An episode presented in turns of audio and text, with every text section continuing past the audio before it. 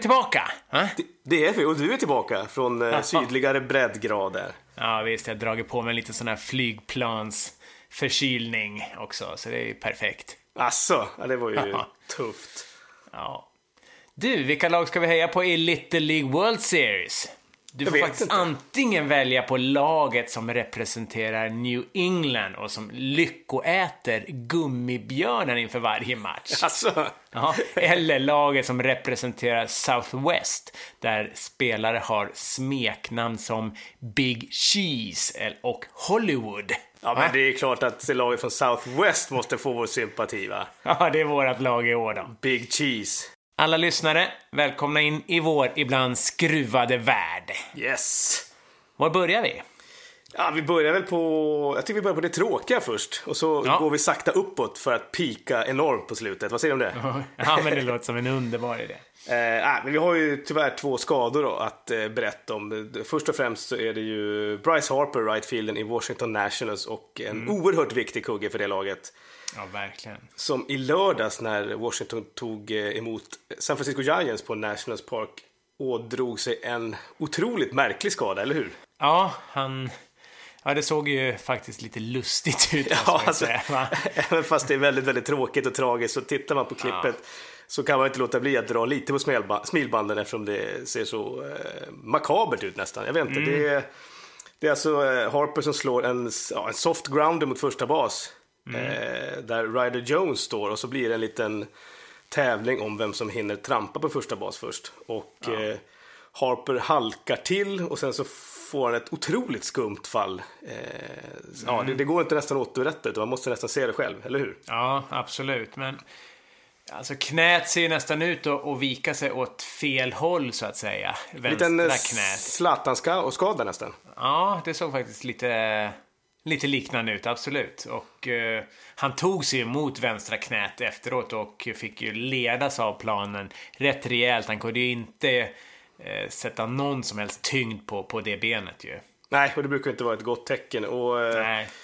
Washingtons on-field reporter eh, tweetade om att det var, rörde sig om significant bone bruise in his knee but no ligament or tendon tears.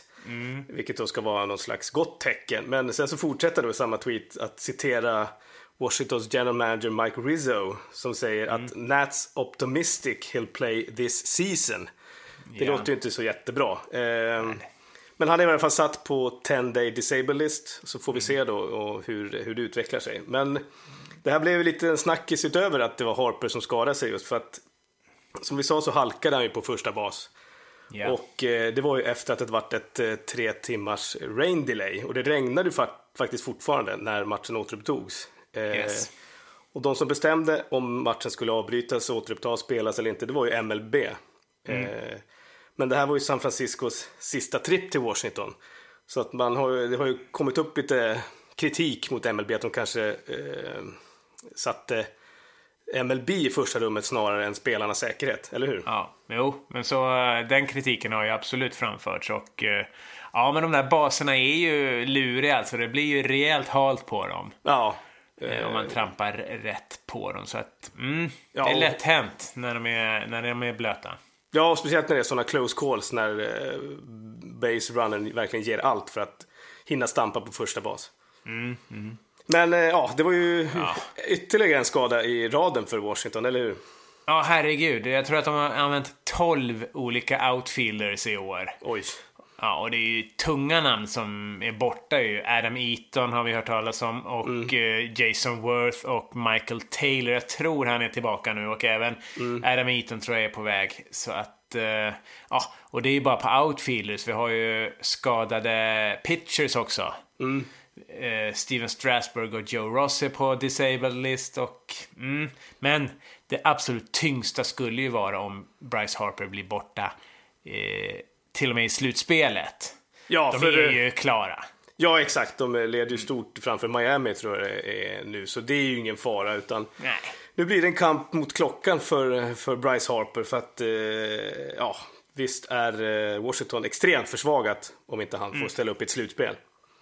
På sikt kanske ändå kan, kan vara något positivt. Han får ju vila nu och kommer ju, om det, eh, ja, är som Washington hoppas då, komma tillbaka till slutspelet kanske med några veckors, eh, ja, intuning så att säga. Så att mm. eh, han kanske kan bli riktigt het där. Om det nu bara är så att det är ett bone bruise då som det snackas om. Så ja, för då är, det ju inte, då är det ju inte en, en längre skada. Eh, Nej. Eh, vi pratar om. Men han, hans eh, MVP-status kanske ryker nu om han blir borta en 10-20 dagar. Ja, Jo, men det tror jag nästan faktiskt att den håller på att göra redan nu. För mm. vi har ju en stark kandidat i Arizona Diamondbacks. Om nu Diamondbacks skulle knipa ett wildcard så tror jag att eh, MVP-titeln i National League kanske tillfaller Paul Goldsmith. Vad tror du? Ja, det, det mesta tyder på det. Arizonas mm. första basman som ja, de senaste åren har jobbat i, lite i det tysta. Men mm. alltid har varit oerhört nyttig för sitt lag. Eh, Absolut. Men ja, vi hoppas på att Harpers skada inte är så eh, illa som man kan tro efter att ha sett klippet.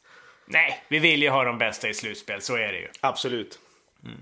Vi har ju en annan skada i ett slutspelsaktuellt lag i American League, eller hur? Ja, visst är det så. Boston Red Sox andra basman Dustin Pedroia är ju återigen skadad. Han kanske inte är lika viktig för sitt lag när det gäller offensiven eh, som Nej. Bryce Harper. Men han är ju deras självklara ledargestalt och, ja. och, behövs ute på planen. Och han kom faktiskt tillbaka från 10 Day Disabilist 8 augusti. Men han bara spelade en match innan mm. inflammationen i hans eh, problematiska vänstra knä kom tillbaka.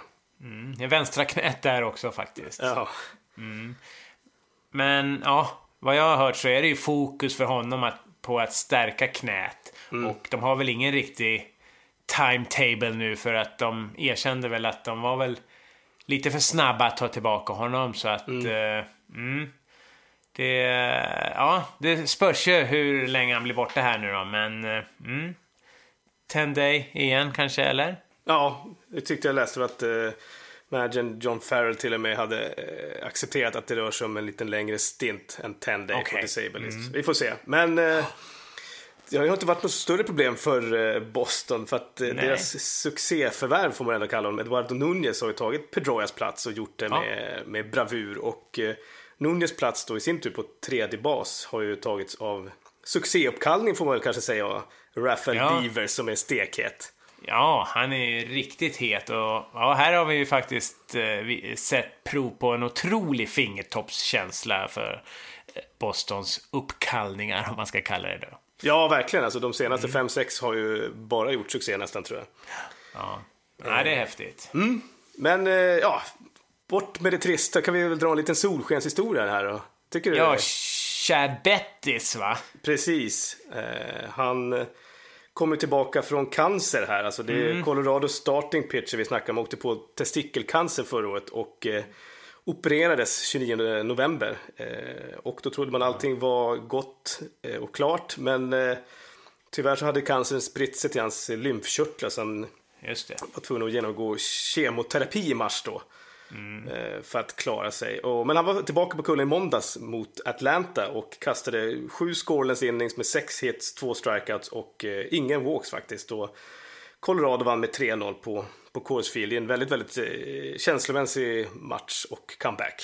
Mm, nej, men det var ju otroligt fint. Han fick ju stöd av bland andra Chicago Cubs starting pitcher John Lester som själv är en cancerdräpare då han, jag tror det var 2006, mm. först diagnostiserades med en ovanlig form av blodcancer. Mm. För att drygt ett år senare faktiskt vara tillbaka på kullen till Game 4 i 2007 års World Series. Mm. Och eh, ja, han pitchade faktiskt ända in i den sjätte inningen där i sin första match när Boston vann väl med 4-0 i matchen mot Colorado Rockies och blev världsmästare. Just det, precis. Mm. Så det är kul. Och ja, det han skrev på, på Twitter till Bettis då var We haven't met but I don't have to know you to call you brother. From my family to yours, congratulations on your return. Mm.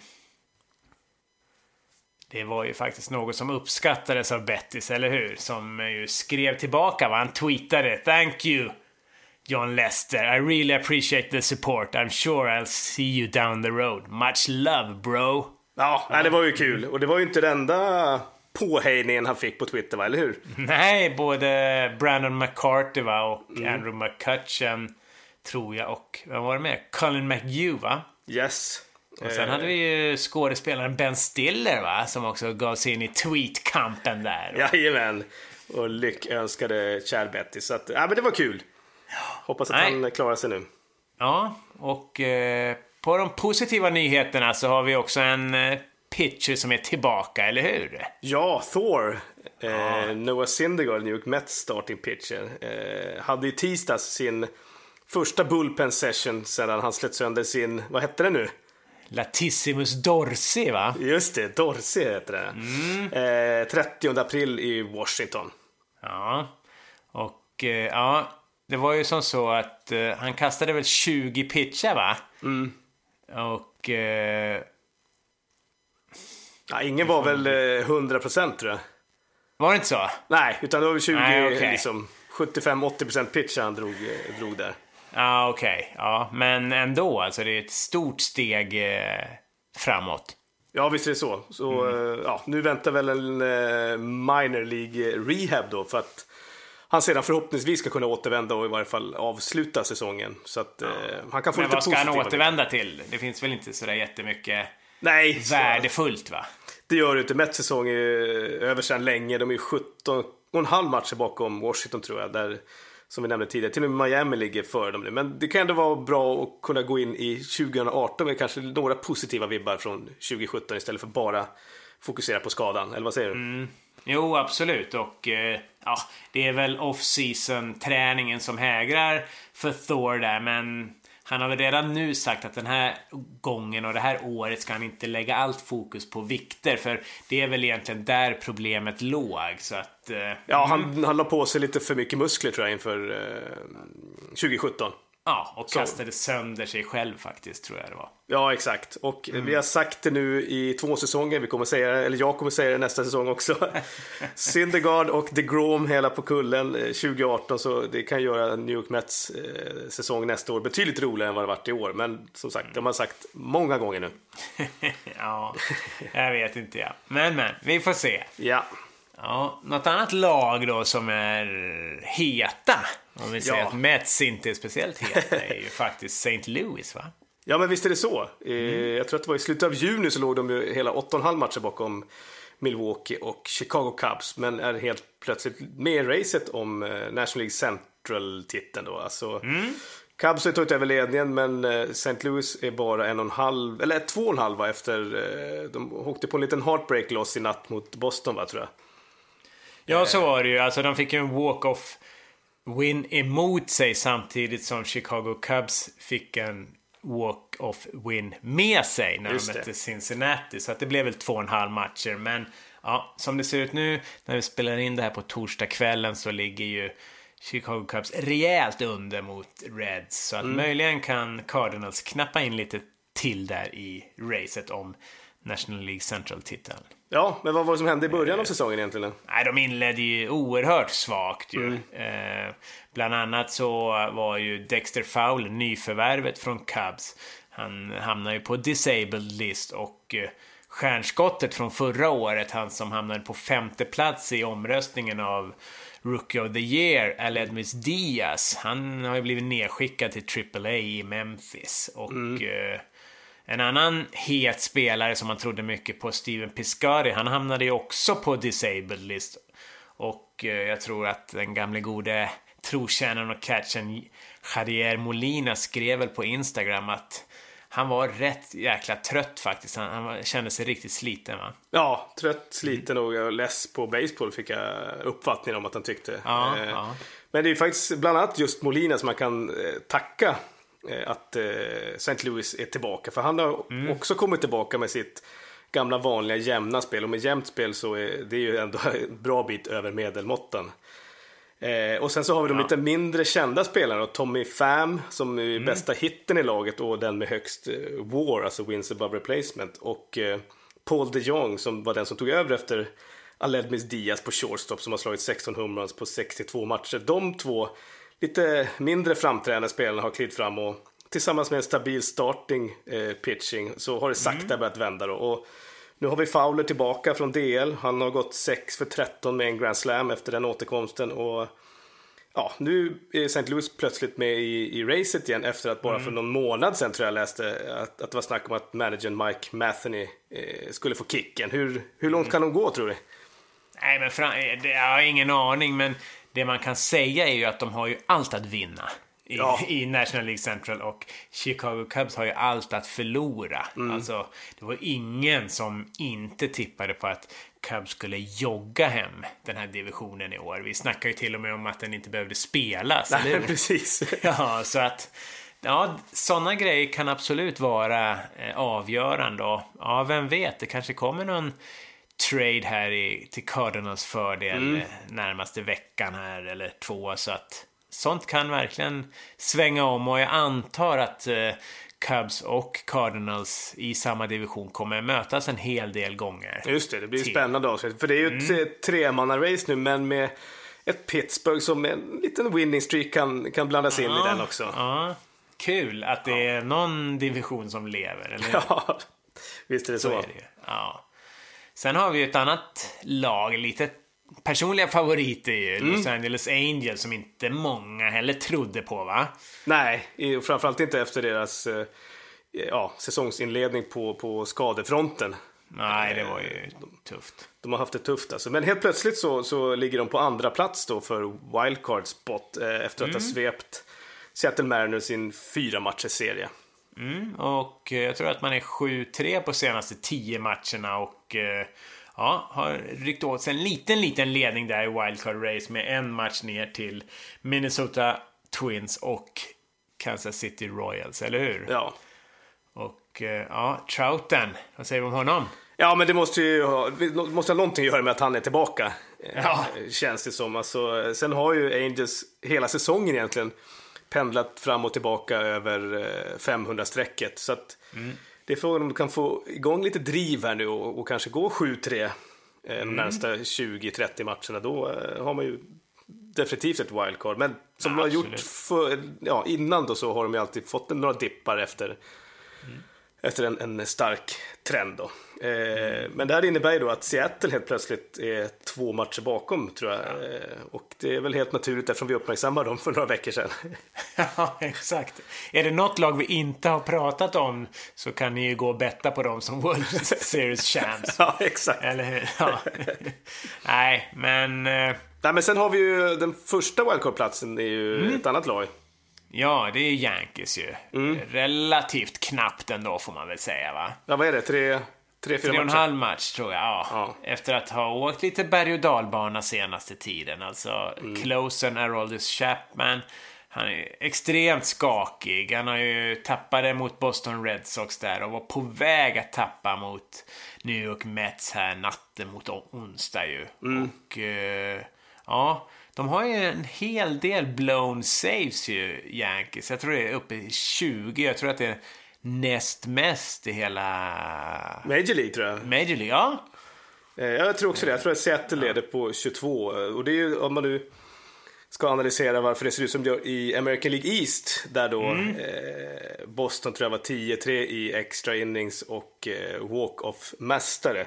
Så Just är då det. Yankees tvärtom då. Och, ja, det finns ju någon snubbe på Twitter som har fått lite draghjälp av de här uh, skakiga performances av Aroldis Chapman. Vad heter han nu? Kommer du ihåg det? Ja, nej, jag kommer inte ihåg vad han heter, men vi lägger ut de klippen på veckans MLB.se för det är ju, ja, han filmar sig själv, han står på bleachers den här snubben och ja, snacka om att han blir chockskadad eh, under de här eh, homerunsen som Aroldis Chapman först eh, släpper till eh, Devers i, i Boston Red Sox och sen även till, ja, nu minns jag inte vem det är i Mets, jo men det är ju eh, han, Ja, rookien. eh, rookien. Mm. Jag kommer inte ihåg vad han heter. Rosario heter han. Just det. Eh, ja, framförallt den första är extremt rolig när han står och taggar. Bara, ja, nu kommer jag, nu är sista outen. Sista outen, så boom, så ser han den flyga. Han tittar på fönstret, han tittar, tittar på, och så, ja, han, är- jag tror han får en stroke där. Den är underbar de klippen. Så att, ja, titta in på veckans MLB.se och han bjuder ju verkligen på sig själv att han lägger ut det. Han är en die hard Yankees-fan. Ja, ja, verkligen Så alltså. Att, mm, Ja, det är kul. Roligt att se. Ja, men vi har lite andra Yankees-nyheter va, eller? Ja, och kanske inte, eller lite viktigare väl ändå. Alltså, för att eh, Gary Sanchez har ju varit i en liten slump. Han har blivit lite kritiserad och bänkad. Dels på grund av hans offensiva kvaliteter som inte är lika starka som förra året och sen så även hans defensiva kvaliteter. Då. Men jag tror att det var i förra veckan eller någonting så var han ute och käkade lunch med A-Rod och hans flickvän Jennifer Lopez då. Och vips så har han nu slagit fyra humras på sju matcher då. Och, eh, Han sa själv att när A-Rod och J.Lo pratar och ger en råd, då lyssnar man. Tjena. Ja. Så att, eh, ja, både han, Gary, eller Gary Sanchez, Aaron Hicks och Aaron Judge eh, slog ju faktiskt alla sina 40 homeruns i karriären i samma match då när de mötte eh, Mets. i Första matchen i Subway Series på Yankee Stadium. Då faktiskt Sonny Gray också fick sin första win som Yankee. Fast det var knappt. Just det. Hashtag I am Gary, eller hur? Yes. När vi ändå är inne på lite så här, äh, ska vi säga, inte helt superseriösa grejer så måste vi väl ändå highlighta det som händer ja, om eh, ungefär tio dagar. Om nästa helg, det är ju den här Players Weekend, eller hur? Just det, precis. Eh, då det händer Den, lite tjuv, grejer.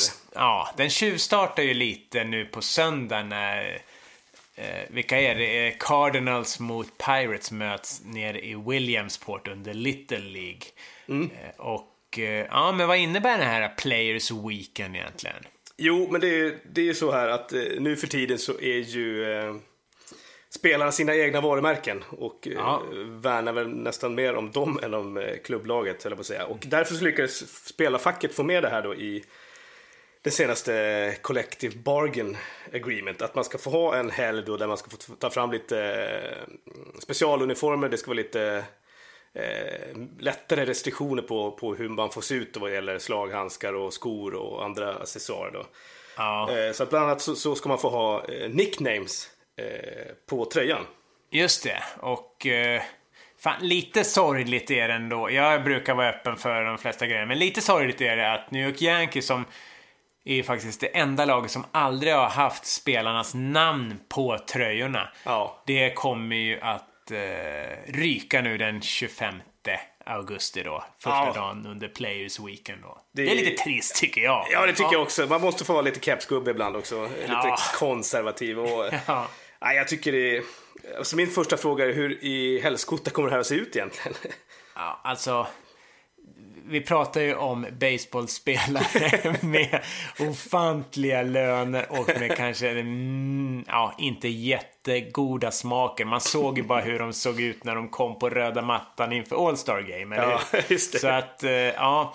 Det är också lite fånigt tycker jag att det är många spelare som egentligen inte har haft något nickname här som Nej. tvingats kan man säga. Nu, de behöver ju inte ha ett nickname, men många har ju liksom verkligen Ja, det känns lite, lite påtvingat. Ja, eh, alltså att det- komma på ett nickname bara för att de vill vara med och eh, ja, ha ett smeknamn på tröjorna. Då. Ja, det är jättefånigt. Och eh, ja, utöver det då, så det som gäller på under den här Players Weekend är att alla, alla 30 lag ska ha nya, lite ljus, mer ljusfärgade uniformer och kepsar. Och eh, tröjorna ska vara pullovers, det ska alltså inte vara några knappar eh, fram. Och sen så ska kepsarna ha eh, modifierade och ibland faktiskt helt nya loggor. Philadelphia ska ju ha eh, en logga i form av, eh, vad heter klockan? Eh, klocka- Big Ben. Big Ben. ja, men eh, klockan i Philadelphia. Det, Ja, okej. Nu har jag eh, fått en stroke själv. Eh, så det är några av sakerna då. Yes. Liberty Bell, förlåt. Liberty Bell, ja. Ja, ja så, så är det ju. Eh, mm. Det är ju, ja, det handlar väl också rätt mycket om att sälja lite nya tröjor. Och, Jo. Fast de ska väl ut auktioneras de här eh, tröjorna och sådär. Så att det kommer väl till ett good cause då. Men mm. Det är bra. sen kommer de väl göra om eh, loggan också va? På, är det så? Jo, på kepsar och tröjor alltså, ska det Ja. vara loggan. Och, eh, det är ju för att, det är ganska cool grej tycker jag. Det- För det är uppmärksammat att det är då eh, Little League World Series. Så istället för att den vanliga loggan så är det ju en, slagman då. Så ska det Ja. vara fem stycken i någon slags evolutionsserie av bilder om, om eh, ni förstår. På slagmän då, det- som ska liksom eh, representera utvecklingen från en Little League till en Big League. Ja, just det. Så att den utgår från Little League-loggan där en liten kille som spelar till, ja, i fem steg som du säger, till Major League Baseball-loggan där det ju står en Big Leaguer och slår. Så att, ja, det är väl coolt. Ja, faktiskt. Och sen så, ja, för att avsluta det här så, så eh, de spelare som väljer att, att uh, ha, avsluta byxorna vid knäna kommer att kunna mm. ha lite specialdesignade strumpor. Som jag såg, mm. som säkert kommer att generera några epilepsianfall. de är inte vackra. Så jag är rädd för att det här kommer... Du kommer ihåg att jag var lite kepsgubbe på uh, mors dag där? Ja, just det. Ja, Absolut. Du kan ju tänka dig vad jag kommer att mm. sitta och eh, raljera nästa vecka, eller näst, nästa vecka. ja, så kan det nog vara. Behöver man 3D-glasögon den där helgen kanske? jag tror det faktiskt. eller skygglappar. Kanske. Ja. Take a pick. Yes. Ja, nej, men det ska väl bli intressant att se vad, vad, vad de hittar på där. Mm. Men nu har vi faktiskt kommit fram till det lilla punkten när jag ropar batter up. Ja, då är det dags för Tjena Arena. Ja, det är det faktiskt. Vi har en del arenor kvar. Har du liksom någon sånt här, för någon statistik och skriver ner de arenorna som vi har tagit eller? Nej, man tycker ju faktiskt att en relativt eh, medelmåttigt intelligent person eh, skulle kunna göra så, men det har jag inte ja. gjort. Nej, okej. Okay. Så, så, att jag är lite orolig för att jag kommer att svara något som jag redan har svarat. Men... Mm. Så kan det vara och jag är lite orolig att jag kommer, ja, ta fram en ballpark som jag redan har tagit. Så det bästa det börjar alltså, bli lite vingligt i minnet. Men... Det bästa är om du tar fram en ballpark som redan har varit och jag svarar på en som eh, inte har varit. ja, det är kanon ju. ja. Är man dum i huvudet Nej. är man. Jajamän. Är du redo? Ja, jag är född redo. Nej, exakt. Det vet jag väl. Mm, då kör vi. Här kommer första pitchen då, mm. av tre möjliga som du kan svinga på för att lista ut vilken ballpark jag söker. Det ljuder ett ubåtslarm vid varje homerun och vid varje hemmalags vinst. Mm -hmm. Och det är en liten blinkning till området där arenan ligger. Oj då. Mm. Upp, upp, upp. ja. Vi avvaktar. Det kommer säkert en wild pitch här. Mm -hmm. Men det är faktiskt så att den andra pitchen är ett hanging anagram. Oj då, redan nu? Ja, jajamän. Mm -hmm. I plant anorax.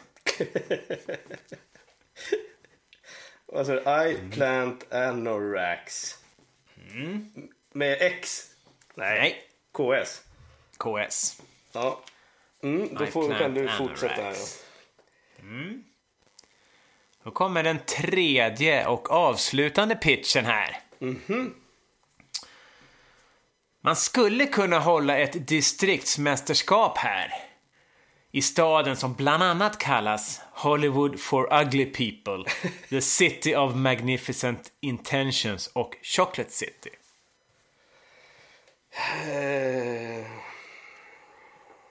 Vill du höra dem lite snabbt igen? Ja, gör gärna. Ja, första Pitchen då. Det ljuder ett ubåtslarm vid varje homerun och vid varje hemmalagsvinst. En liten blinkning till området där arenan ligger. 2.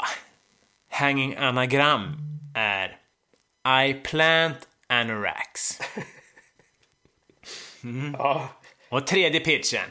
Man skulle kunna hålla ett distriktsmästerskap här.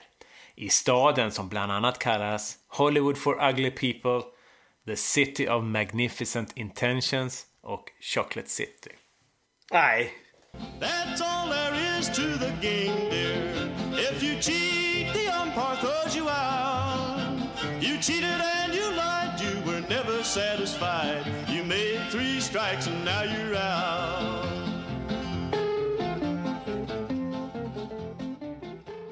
Ja, men du tittade helt enkelt in den tredje striken utan ett, eh, en gissning. Ja, en KC helt enkelt. Ja, exakt. Det värsta Och, man kan få. Eh, mm, det var faktiskt Nationals Park i Washington DC. Ah, just det. De har ju ja. sitt eh, Navy Yard där, va? Har de inte det? Mm, hemmaplanen kan man väl säga för US Navy. Ja.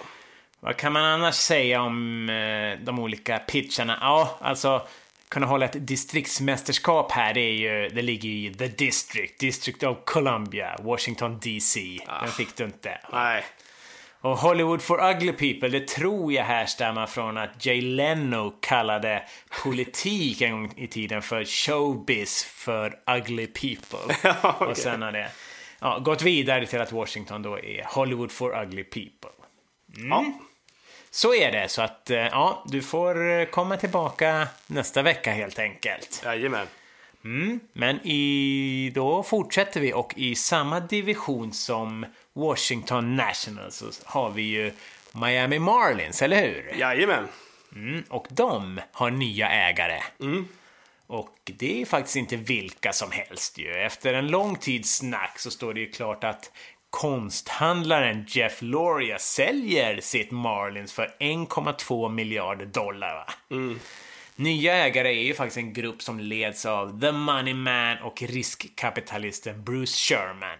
Ja, visst är det så. Och eh, Mm. även om den här gruppen då kommer att styras av Sherman så är det ju väldigt intressant att eh, Yankees tidigare face of the franchise, The Captain Derek Jeter, ingår i ägargruppen. Och Mm. Det ska bli spännande att se hur de väljer att utveckla Marlins, eh, som då än så länge får vi säga coachas av en annan tidigare Yankee, nämligen Don Mattingly, Donny Baseball. Ja, och det har ju inte gått sådär superbra med honom vid rodret ju. Tyvärr är ju årets säsong redan körd för Miami. Och eh, ja, i alla fall när det kommer till slutspelstankar. Och, eh, men en spelare, han fortsätter ju att sätta rubriker, eller hur? Ja, visst är det så. Det är ju monsterslaggen och Marlins absolut största stjärna får man säga. 27-åringen från San Fernando Valley i Los Angeles. Grabben med både afroamerikanskt och irländskt ursprung ju. Ja, vi snackar såklart om Giancarlo Stanton. Jajamän, och eh, han började ju faktiskt sin karriär i Little League i Verdugo Hills i Toyunga. Ett riktigt gammalt känt bikernäste faktiskt i södra Kalifornien. Men jag vet inte om det var därför, men han bytte ju faktiskt snart skola till Notre Dame i Sherman Oaks där han, ja, ganska snabbt blev en riktigt bra atlet. Han var ju en så kallad three sport athlete. Just det, och det är väl då när man eh, spelar både baseball, basket och amerikansk fotboll, eller hur? Mm, så är det ju. Och eh, han gjorde det riktigt bra och hade faktiskt redan accepterat ett baseballstipendium från Tulane University i New Orleans och hade ju faktiskt, jag tror det var erbjudande om att spela fotboll på USC Just det, där vi var i våras. Mm. och eh, UCLA, men valde istället proffsvägen när det stod klart att han hade blivit draftad av Florida Marlins i den andra rundan av amatördraften 2007. Precis, och eh, då inte helt oväntat så la han skolböckerna på hyllan och eh, drog ut på en lång resa på den amerikanska landsbygden för att spela minor League-ball. Mm. Det blev faktiskt tre år på landsbygden för fem olika lag och resan startade då i Rookie Level Gulf Coast League Marlins men han blev ganska snabbt uppflyttad till Single A Short Season Jamestown Jammers. Och ja, började väl eh, göra ett litet namn men eh, fortsatte sen ganska snabbt 2008 till Greensboro Grasshoppers. Ja, det är mäktiga namn. Jamestown Jammers och Greensboro Grasshoppers. får man säga. Men eh, Ja. ja, i Grasshoppers gjorde han ju faktiskt grymt bra ifrån sig i, i slutspelet. Vilket ledde till att han placerade sig på plats 16 tror jag var på Baseball Americas Top 100 Prospect-lista och började bli ett ännu större namn i baseballvärlden. Ja, visst var det så. Han blev ju 2009 inbjuden att visa upp sig mest. Ingen, alltså, det handlade ju kanske inte om att ta en plats i Marlins, men han fick visa upp sig en hel del på springtrainingen det året, men började säsongen i Jupiter Hammerheads i High A-ball, tror jag det var.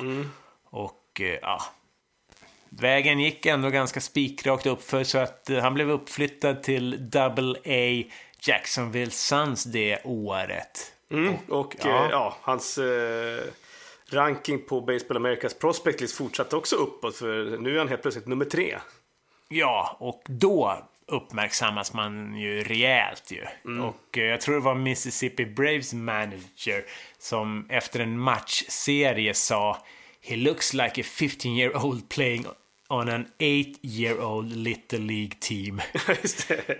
Då är man lite överlägsen va? Ja, det får man säga. Och det här innebär att det, han hade ju bara en enkelriktad väg mot Major League framför sig. Ja, så var det ju. Och, eh, ja, han växte ur minor League och jag tror det var 6 juni 2010 så får han ju det här eh, telefonsamtalet som alla väntar på. Och eh, ja, Ja. vad hände sen? Jag tror, alltså som 20-åring då, eh, som han var då, så blev han tredje yngsta spelaren i Marlins historien. Eh, när han den 8 juni då får tre hits i sin debut. Ja, det är coolt. Ja. Eh, Och då 2010, jag tror han spelar 100 matcher och eh, tas ut i All Rookie Team faktiskt. Så att det är ett mycket bra första år ju. Mm, Spikrakt eh, helt enkelt sen han hoppade på tåget. Men sen börjar faktiskt problemen hopa sig för den gode Giancarlo. De första skadorna dyker upp. Eh, men mm, när säsongen 2011 är slut har han slagit 56 homeruns totalt. Oj. Och det är ju faktiskt innan han fyller 22 år, vilket matchade Alex Rodriguez bedrift några år tidigare. Och eh, ja, det är faktiskt bara en annan som har slagit fler va? Ja, på de senaste 40 åren i alla fall så är det bara eh, Ken Griffey Jr, The Kid, som har slagit fler innan 22 fyllda. När man tittar lite på Giancarlo Stantons historia så är det faktiskt en ganska intressant sak som händer 2012.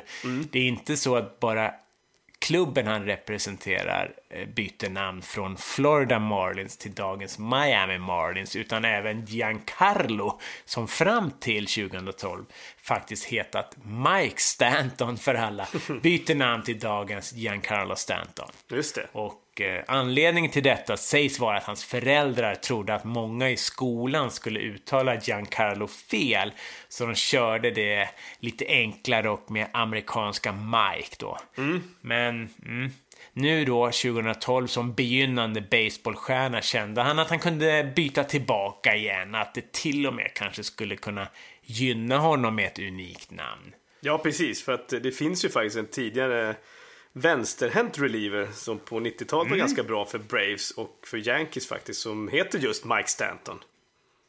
Ja, han är faktiskt trefaldig World Series-champ med, med Yankees faktiskt. Så att, eh, ja, det mixades ju... Eh, ja, det blev ju lite svårt för en del att fatta vem det var det handlade om. Men eh, mm.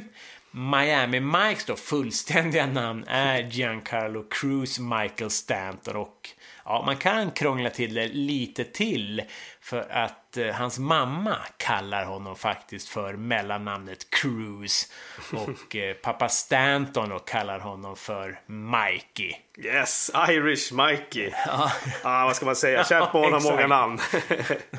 Ja, och eh, ja, Cruise då, det som hans eh, mamma kallar honom för, är ju det namnet Mm. han kommer bära som nickname då på tröjan under Players Weekend.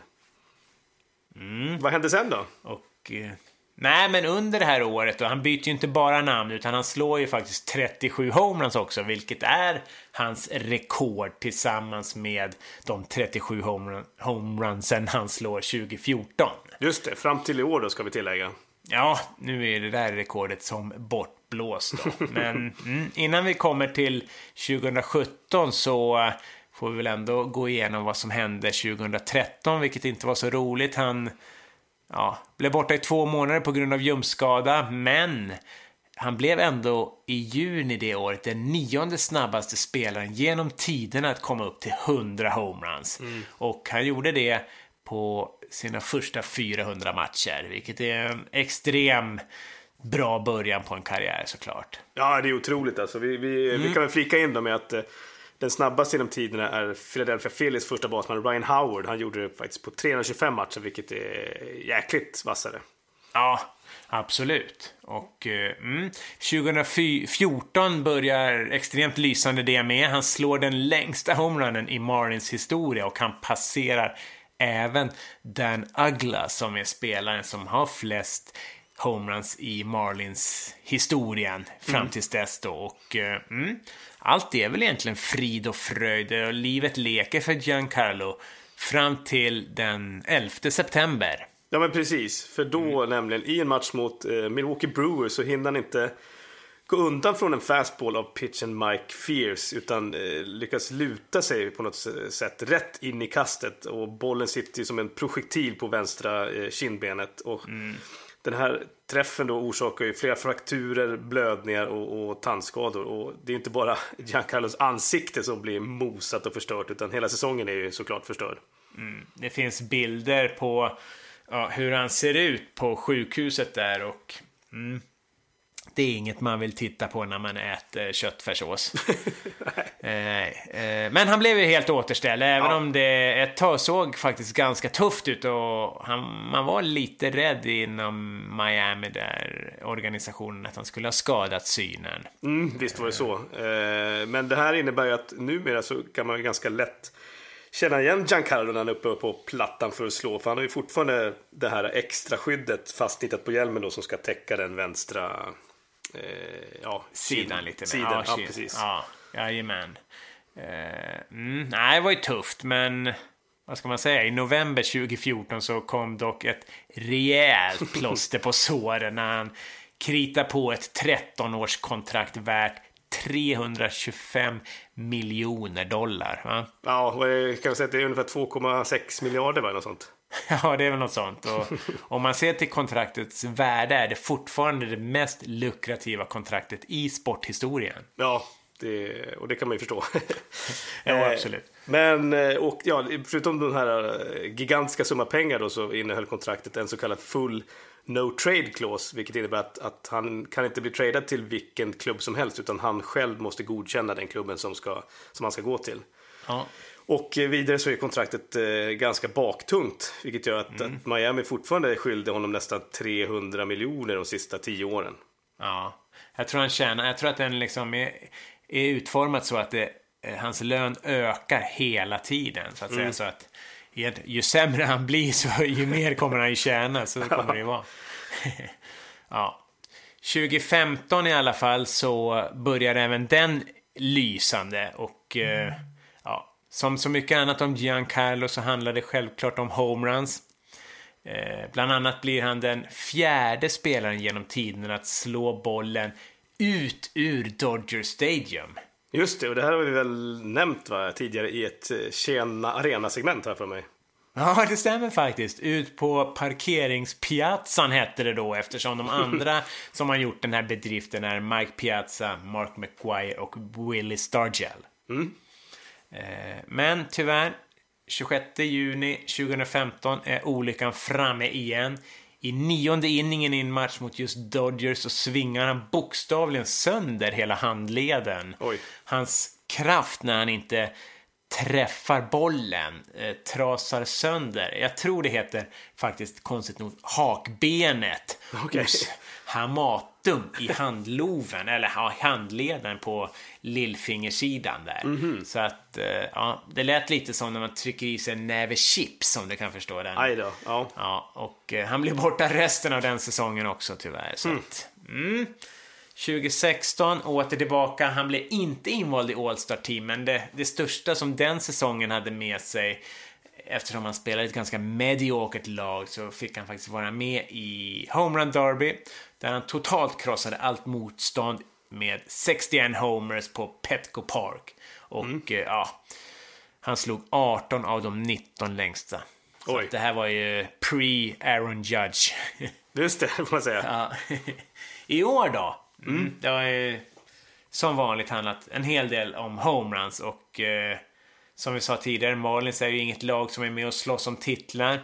Så det mest intressanta för fansen är ju individuella rekord och eh, ja, stora bedrifter, eller hur? Det är ja, men, det de har att se fram emot. Ja, visst är det så. De fick ju faktiskt eh, tidigare vara med om en no-hitter när Edison Volkes kastade en eh, no-no. Ja, på, visst var det på den avlidne kompisen Giordano Venturas födelsedag, så det var ju extremt ja. känslosamt. Verkligen. Och eh, fansen har ju också fått uppleva ett gigantiskt All-Star-evenemang där i år och eh, mm, kanske får de även uppleva en historisk homerun-jakt under september, eller hur? Som förhoppningsvis kan fylla läktarna.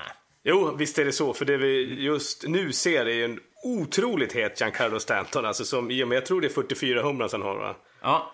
Eh, redan nu har ju passerat eh, Gary Sheffields gamla franchise-rekord på 42 homeruns på en säsong.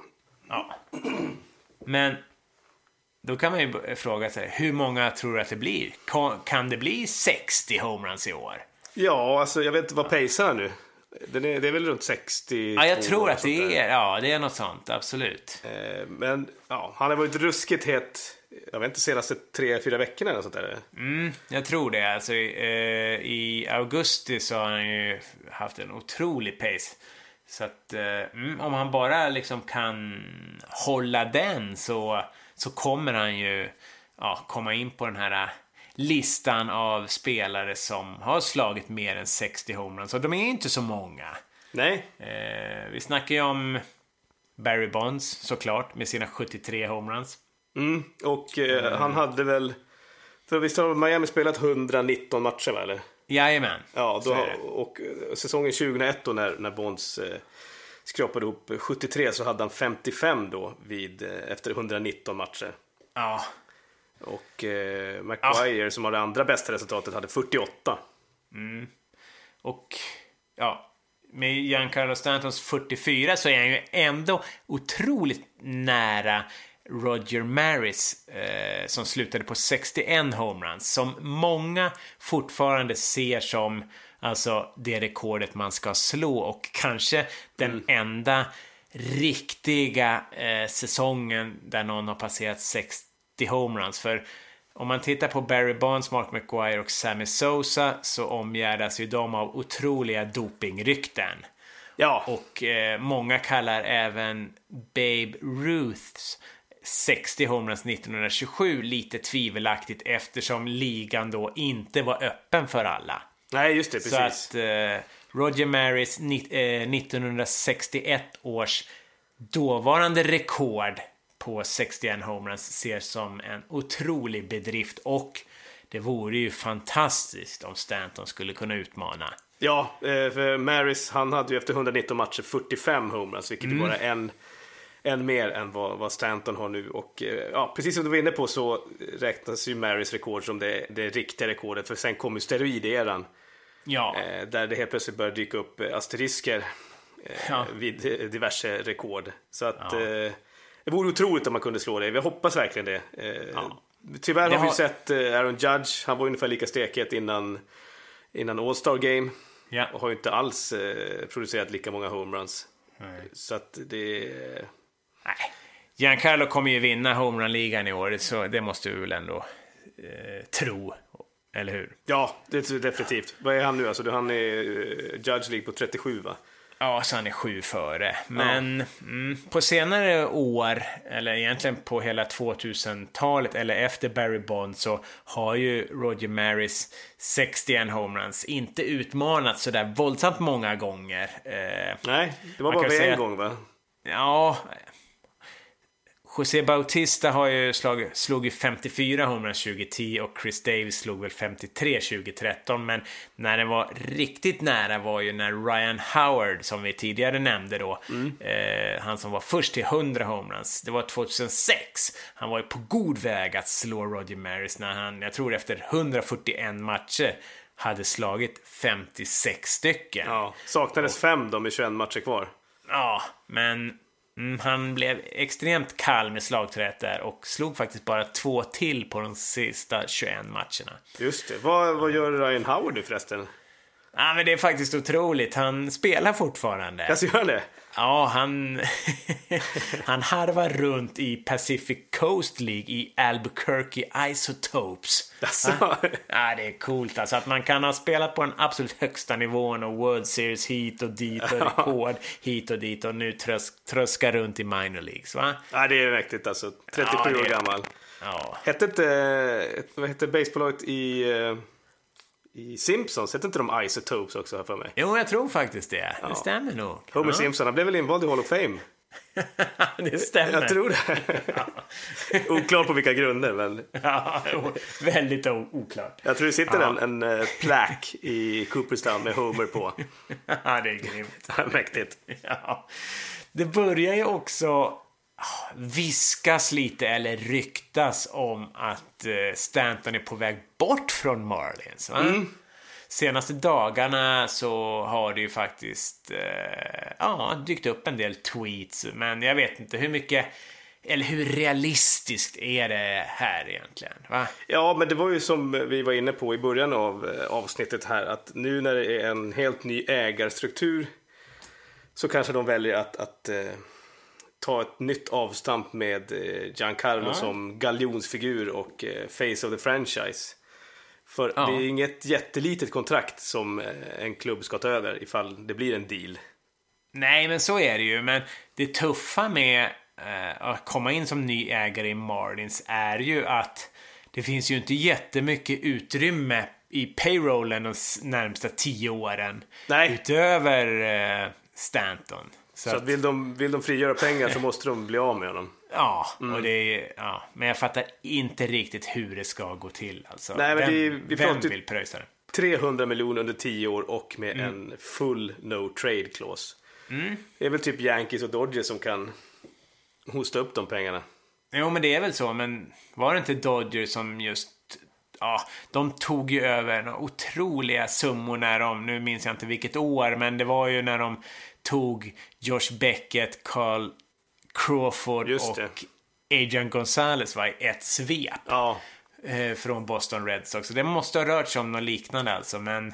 Ja, och efter det har de ju gått ifrån den, den eh, strategin och, ja. och försökt få upp spelare från minors istället. Jajamän. Och inte, ja de har ju fortfarande den tyngsta payrollen i, i MLB, men ja. att de har blivit lite mer sansade tror jag. Ja, det är ju bara Agon som är kvar i laget där ju. Ja, men vad, mm. vad, alltså, vad, vad har vi för spelare förutom Stanton som de kan bygga kring? Det är väl ingen riktig Nej. monsterlirare? Nej, det finns ju ingen sådär direkt, utan då handlar det väl om en rebuild. Och någon mm. rebuild kan man ju inte göra på tio år om man har Stanton kvar. Nej, alltså, det går ju inte. Nej. Så då kanske det är dags för honom att lämna då. Nu bytte vi teori här. Nej, ja men jag skulle, alltså det är ett idiotkontrakt tycker jag. Och just ja. att det stegrar lönemässigt hela vägen. Så att mm. eh, jag tror att de nya ägarna vill bli av, men inser att det ja, är extremt svårt. Vad fan? Men hur mycket skulle man vara villig att äta av det här kontraktet för att bli av med honom? Alltså, ja, det är sant. Skulle man skicka iväg honom... miljoner. Ja. För att få loss 200, det är inte omöjligt. Nej. Ja, det blir spännande att se. Ja. Du har inte hört någonting från de nya ägarna? Nej, jag tror inte att de får uttala sig va. Det är väl först vid årsskiftet va som det Är det vid winter meeting eller årsskiftet som det träder ja, kraft? Osäker, men ja. det kommer vi ex absolut att uh, återkomma till. Det kommer nog handla väldigt mycket om Marlins under off-season, tror du inte? Jo, det tror jag också. Och det kommer handla mycket om Giancarlo Stanton under resten av säsongen, så länge han fortsätter producera homeruns.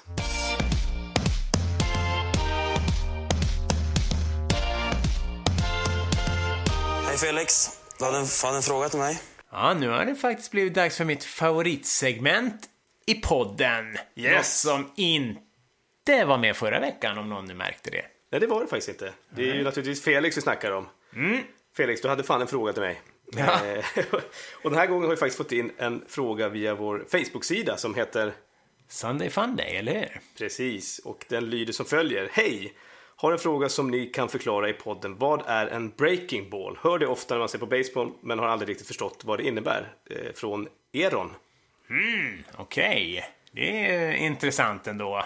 Ja, man tar väl kanske lite för givet om man följer det mycket, men jag tror faktiskt att eh, ja, det här är verkligen intressant och någonting vi ska svara på. Och mm. Eh, en breaking ball är ju alltså en boll som antingen bryter sidleds så att säga, eller eh, bryter i höjd, eller både och, alltså ändrar lite sin riktning. Ja, och med bryter så menar du egentligen att det skruvar sig? Ja, absolut. Mm. Och eh, det man gärna vill när man ska försöka kasta en curveball eller en slider eller en cutter som är olika typer av de här breaking balls är ju inte att det ska vara som en lång svepande kurva utan just att de ska brytas. Alltså man pratar ju om att en riktigt bra curveball är ju som att man rullar en boll eh, ut över en bordskant. Mm, just det, den ska bryta ja. tvärt på i slutet. Jajamän, ja. Mm. Så att därför är det liksom breaking mer än curve då. Så att, eh, ja. Och det här är Eh, ju, brukar väl vara ganska jobbigt för catchers va? Ja, det är det ju. Man ser ju att de verkligen får jobba och det kan ju vara i sådana lägen, kanske där det står löpare på tre, framförallt i slutet av matchen om det bara hänger på någon poäng sådär, så kanske man inte är så sugen på att kasta breaking balls, för framförallt curveballsen ska ju egentligen bryta så hårt så att den studsar i marken.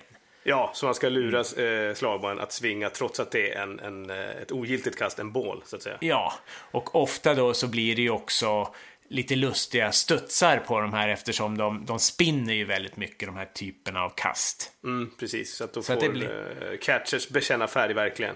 Ja, och eh, ja, de Eh, pitchers som eh, ja, använder breaking balls som sitt första kast eller som främst förlitar sig på breaking balls, de ja, refereras ofta till som junkballers, alltså de kastar skit. Ja, det är lite taskigt. Ja, eh, så att, mm, men generellt så är det ju faktiskt så att breaking balls är svårare att kasta och bemästra och liksom få på den platsen man vill än liksom raka kast. Eh, så att, mm, eh, det är väl kanske vad en breaking ball är, eller? Ja, har vi, har ju fa- vi, har väl fastballs, breaking balls och off-speed pitches.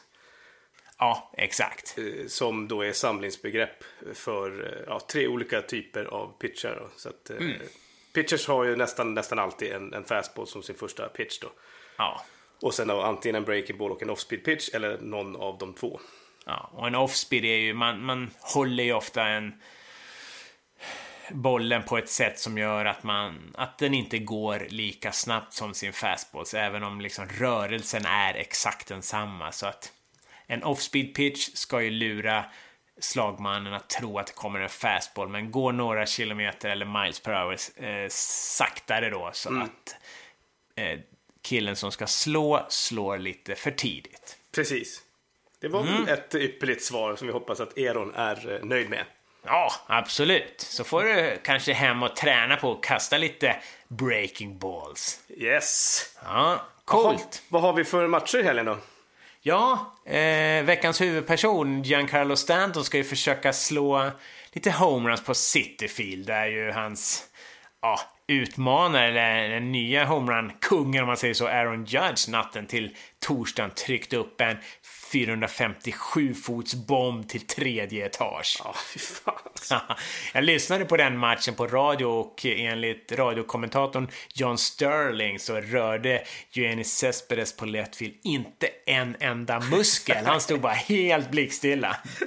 Va? Då är, då är slaget long gone. Ja, han såg direkt att den där var out of here. Och, eh, ja, på tal om New York då, så fortsätter ju the, the pennant race. Väldigt, väldigt spännande pennant ra- race i American League East då, när Yankees åker till Boston för att få lite revansch efter 2-1 förlusten i, i hemmaserien senast då. Och eh, samma sak är det i American League Central då, där Kansas City ska försöka komma lite, lite närmare Cleveland. Och eh, får vi inte glömma då 20 augusti på söndag. Eh, Major League Baseballs Little League Classic. Där eh, St. Louis spelar mot Pittsburgh då, i Williamsport under Little League World Series. Där kidsen får en upplevelse. Ja, så att där blir det ju både såna här äh, lustiga uniformer och det kommer låta lite som en pojkbandskonsert på läktaren. Ja, tror jag tror inte? ja, så det blir roligt. Tyvärr är det ju väl eh, väldigt sen, söndagens sena match där. Ja, så att, mm. precis. Men det har vi något att se fram emot i helgen och eh, vad dricker man till det? Ja, det blir väl en iskall flaska Budweiser. King of Beers. King of Beers. Härligt! Ja, men jag tänkte faktiskt att vi skulle slå oss ut ur detta avsnitt med en låt om en av spelarna som har slagit fler än 50 homeruns under en säsong. Och eh, det är ju faktiskt bara 27 spelare som är med i The 50 Homerun Club. Och eh, troligen kommer den utökas då till 28 eller kanske till och med 29 när den här säsongen är över. Men hittills är den näst nyaste medlemmen i klubben killen som slog sig in 2010 som vi nämnde tidigare då. Vi pratar om Toronto Blue Jays kontroversielle Ah, Joey Bats. Jajamän, korrekt. Så då låter vi The Athletic Sports Band med låten Oh Jose Bautista ta oss runt baserna och in i helgen. Chipparella på er! Ciao!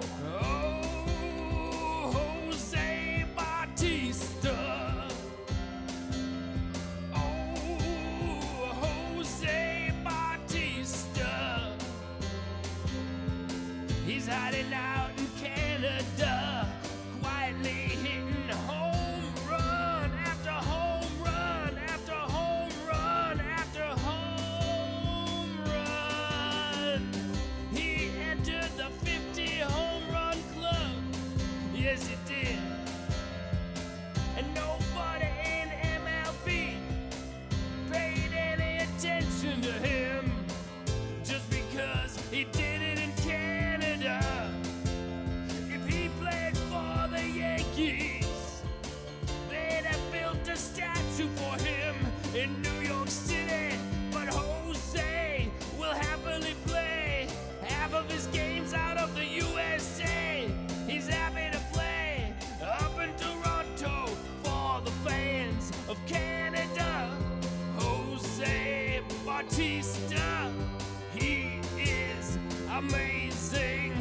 no